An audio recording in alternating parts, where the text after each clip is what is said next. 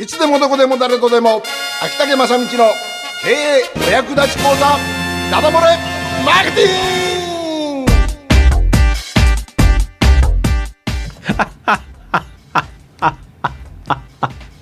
いや何度聞いても、うん。素晴らしいオープニングだと思うんですよこのコーナー。あそうこれ、えええそんなに素晴らしい仕事をしてましたか私。え、いや素晴らしい仕事だと思います。よ。うん。なんとなくこうしかもなんかこうね、うん。あの手の振りとかをつけてうん「ダダ漏れマーケティング」とかって言ってるような感じがする。あこうなんかイメージが湧く。そうそうそうそう、うん。はい。もうね事業者必聴のはい。このコーナーでございますが、はい。はい。今日のテーマは、ええ。ーストーリーを作りましょうっていうことです。うん。物語を語れ、うん。えー今ですねあのーいろんなところで最近あのーよく聞かれるようになったんですがストーリーテリングという手法はい。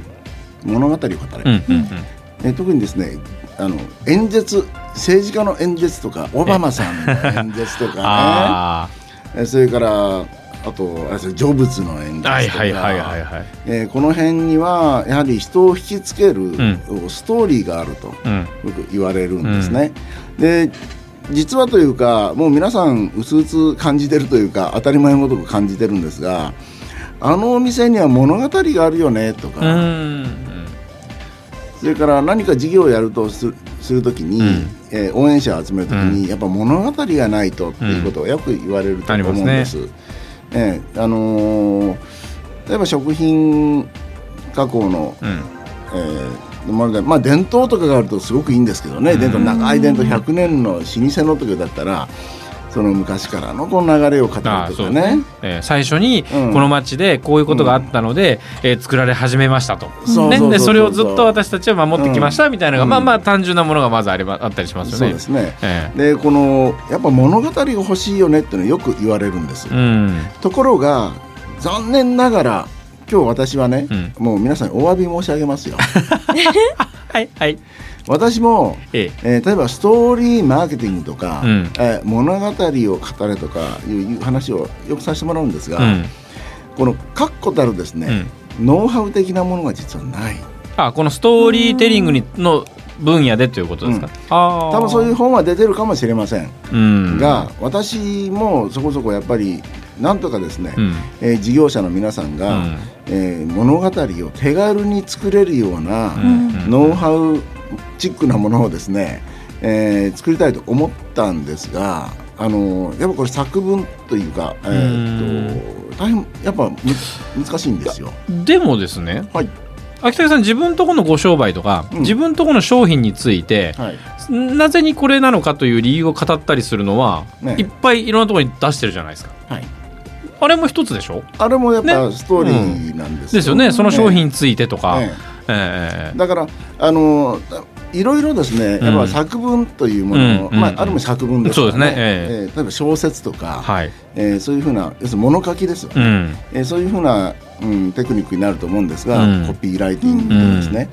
あのーあまりに表現の仕方が実際いろいろあるんですね。うんだから例えば、えー起承転結っていう、うんうん。まあ喋る時でもそうですし、ええ。はい。作文でも起承転結って、うんまあ、小学校の頃から習ってる書き方がありますよね、うんまあ、題材を何にするかってありますし、でそれからあるいはハリハリウッドの映画うん。とかは、うんあれは一つのストーリーがももうパターンがう定番のね展開がありますよね、うん、ええ。2回ぐらい挫折してですねそうそうそうそうそうそう、はい。ええで、えー主人公がですね、ちょっとこの性格的に欠ける欠けてるとこがあったりしてそれを取り返していくっていう、えあ取っていく冒険みうんたいな、えそういうのもありますし、えとにかく表現の仕方がいろいろあるんですね、うんうん。だからその何をこうすればいいですよっていうのはなくて、うん。だけどこのやっぱ心を打つストーリーっていうのがうん。やっぱあるし、うん。またそれを身につけたうん方がいいわけですよね。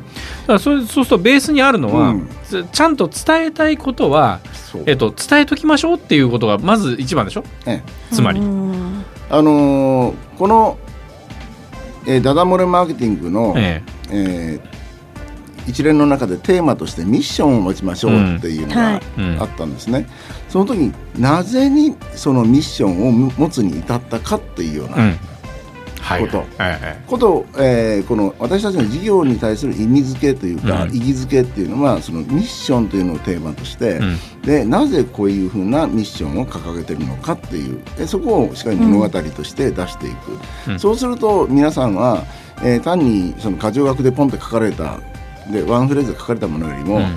その共感できる要素が増えてくるわけですね、物語としてはい。語られると。だからそういうところであったりそれからなぜこの味付けになってるのかとかいうのがいや実は、えー露店で、うん。その屋台で売ってたうん。ちのひいばあちゃんがうん。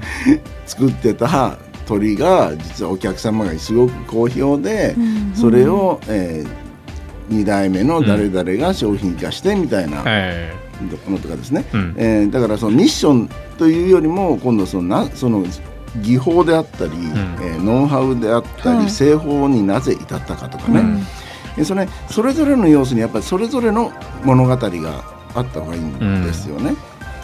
うん。ところがそれがですねなかなか、あのー一つの、えー方法論というかノウハウとしてこういう書き方をしましょうっていうのがですね非常にえー難しいなとえ感じていまして、あのハリウッドとかそういうのをいろんな文章を見ていくと、ね、吉祥転結うん。にしても一回、えーよそに外れてまた元に戻るみたいな。な。はい。だとかえー最後に大どんでん返しが待ってるっていうような、その推理小説みたいなのとかですね、えーいろいろあるんですけれども、まあ、大きな流れはあると思うんです、えー文章構成していく上にね、だけどそれはなかなか、えーそれが私自身がもしできればですね実は小説家になってるって 話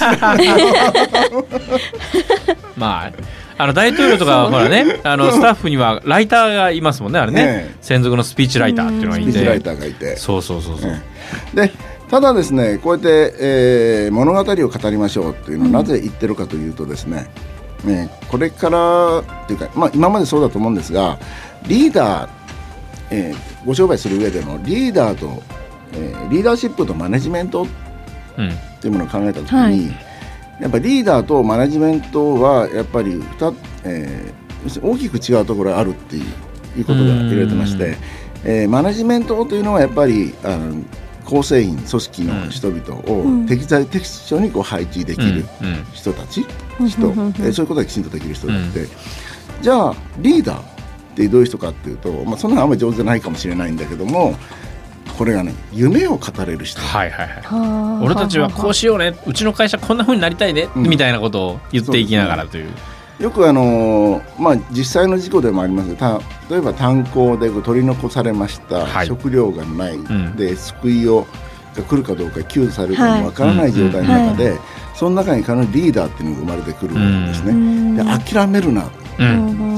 必ず未来は明るいんだっていうことを言い続けられる人。でもそこまで極限の状態じゃないにしても例えば今このデフレとか円高とか、うん。で経済がどうのこうのと言われる中で、うん。いや将来は明るいよってだってこうこうこうだもんっていうことが言える人っていうのはやっぱリーダーになりうる人だと思うんですね。だからその、まあ、マネジメントもそうだしリーあのリーダーシップもそうなんだけど特にリーダーシップをこれから皆さんいろんなところで、えー組織を引っ張っていこうと思えばですねそしてまた、えーお客様イコール応援者ですね。はい。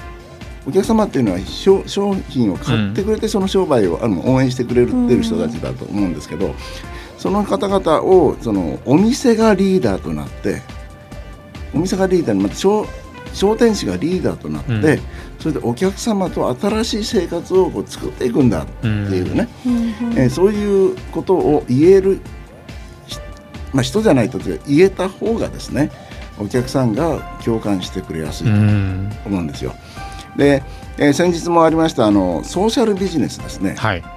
ねこれが、えービジネスのか、えービジネスマンというかビジネスモデルというそのお金を、えー回す、うん。儲ける、えー資金的余裕を持ってやろうっていう、えーまあ、ソーシャルビジネス、えー社会的事業。そう。ね社会的ニーズのある事業うん。ね、事業今まで志だけで、ん。ボランティアでやってる方が多かったんですが、はい。えそこにもっとそのビジネス的な視点で取り組みましょうっていうのがソーシャルビジネスで流行ってますよね。うん。でこの時にやはり必要なのがえー資金であったり要するにスポンサーとかですね、えーそれから応援者。いろんな形で、まあえー、署例えば署名だったりボランティアであったり、うんうん。いろんな形で共感してくれて応援してくれる人が必要になると思うんですが、やっぱその時にあの皆さんに協力してもらうために、えー皆さんにこう表すっていうか、えー訴えるのは、うん。そのストーリー。うん。やっぱり物語っていうのをしっかり出してあげないとはい。そしてリーダーシップリリーダーとしての将来の姿、うんというものを大きくって示してあげないと人はなかなかついていけないと思うんですね。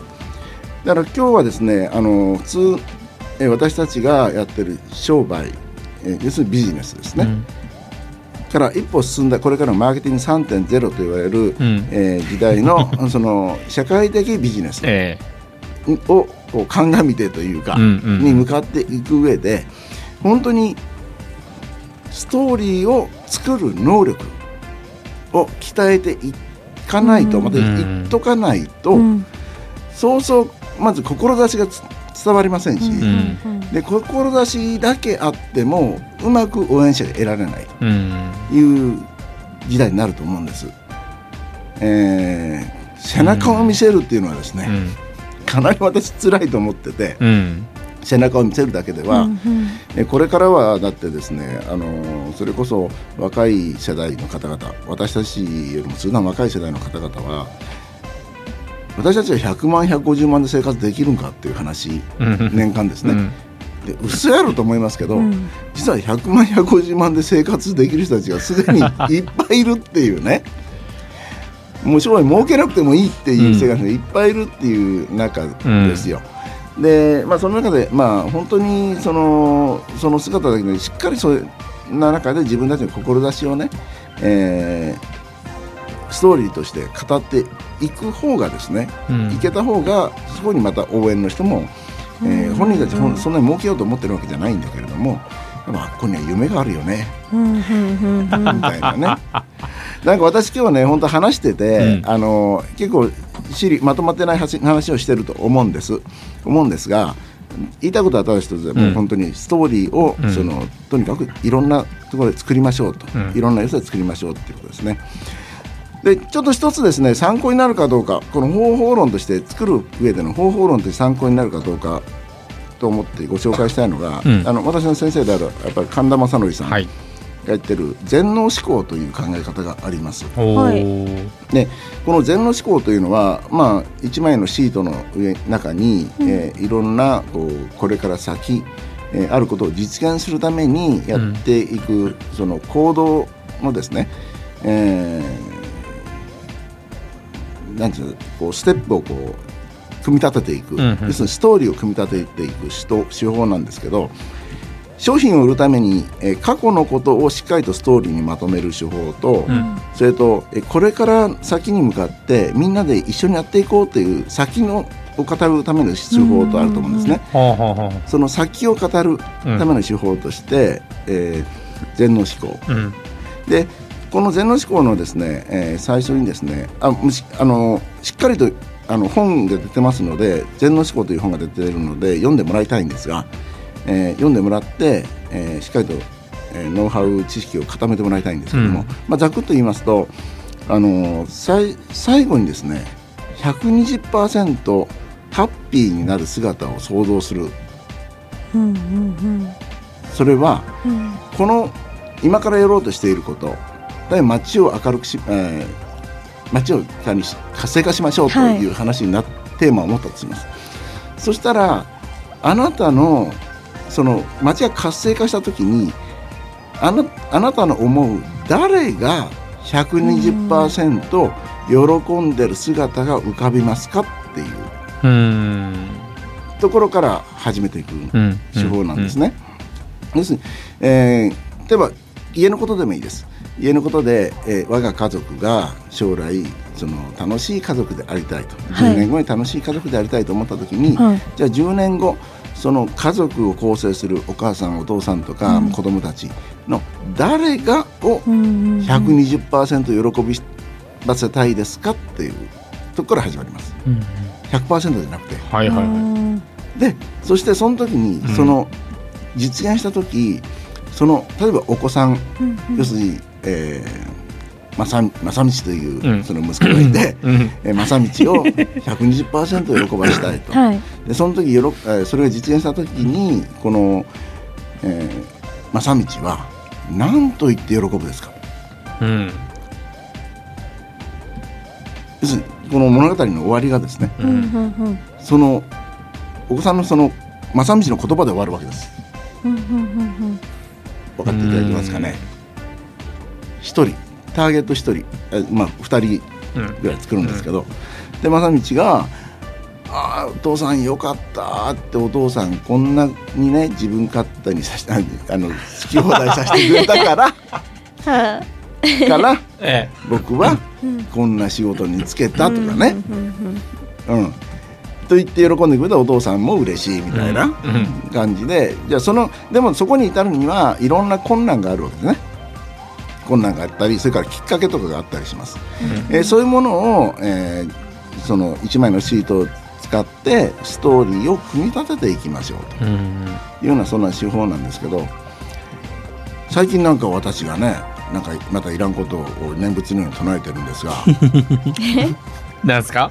海峡万博ってああね言ってますね。あはい。うこの間から随分その言葉を聞いておりますけどね。うん、例えば海峡万博この関門海峡でうん。万国博覧祭やりましょう、うん。はエキスポです。エキスポ。ね世界の関門エキスポ。と言ってだそれにしてもですね、将来じゃあそれやったら誰が喜ぶのかとあうん。うんうんいうところが始まりましてで最後「いや千尋ちゃんがうん。すっごいこんなことができると思いませんでした」って言うんですみたいな ターゲットそこ。みたいなええ感じででもじゃあそれに至るまでってほら船集めることも大変ならば、うん。行政が動いてくれることも大変ならば、はい町の人たちが動いてくるのも大変ならばでいろんなストーリーが考えられるわけじゃないですか、うんでそれをしっかりと、えー形作っていく。うんうんうんうん今要するに今は、あの120%ハッピーじゃない。うんはい。ちょっとしかめっ面なんだけど、うん。これができたら、うん。うん将来120%ハッピーみたいな感じ。なるほどね。まあ、あそういう手法もありましてでこれはあの今小学生たちでも使ってますんでね。素晴らしいストーリー作りますよ。まあそうですね、うん。あるあるある人の,、うん。の幸せにしたいとかね。例えばね、喜んでもらいたいっていうのはうん。非常に明確に目標をまずうん。見せることできますもんね。うん。あの万人がとか、うん。なんか関係するすべての人のためにとかってやっちゃうとなかなか難しくなる。そう。えあのー小学この神田さんがですね、うん。小学校とかでなんかこういう事例で使ったのが例えば修学旅行行くじゃないですか、えじゃあ小学生に、はい。そのとにかく楽しい修学旅行にしようってことでその禅の思考を使ったらしいんですよ。そしたら行った時に周りのお客さんにみんなにみんなと楽しくやろうって言ったらでそこにどんなお客さんが周りにいるだろうその観光地でね、うんうんうん。はいだからそのかその観光地にいる人たちも一緒に楽しいよみたいな、だそれだけじゃないだろうってバスの運転手さんもいるだろうみたいな話で、うん。じゃあバスの運転手さんどうすれば楽しくなるんだろうみたいな考えてやっと最後うんバスの運転手さんが、こんなに嬉しかったの。修学旅行初めてですって涙流して泣くみたいなね、うん。のを子供たちは作っていくんだよね、うん。という事例があるらしいんですが。うん。だまあ、ということでね、え今日はあのとにかくストーリーをうん作りましょうと、え私はこれをきちんとしたストーリーの作り方なんてノウハウはできておりませんのは、えー皆さんにお詫びなんですが。お詫びなんですが。まあそれにしてはよくちゃんとこう、い、ろいろ紹介しましたからね。えええあのもう千尋ちゃんなんかまあメモいっぱいですよ。メモしましたよ。うん。特にあのこれからソーシャルビジネスっていうのが、うん。はいあの始まるときに本当に志持った人が、うんきちんとストーリーを使って、そうですね。えー皆さんに伝えていくとうん。いうことが本当にリーダーシップうん。の大切な要素だと思いますのうん。で、今日覚えてもらいたいことはストーリーテリングですね、物語を語ろう。ということでございました。秋田県正道のダダ漏れマーケティングでした。はい。ということでございまして、ね、えー今日も大変にためになるお話でございましたね。えあれ？もうあと2回？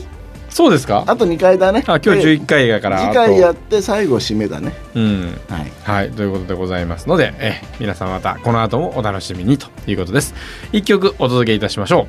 斉藤由貴卒業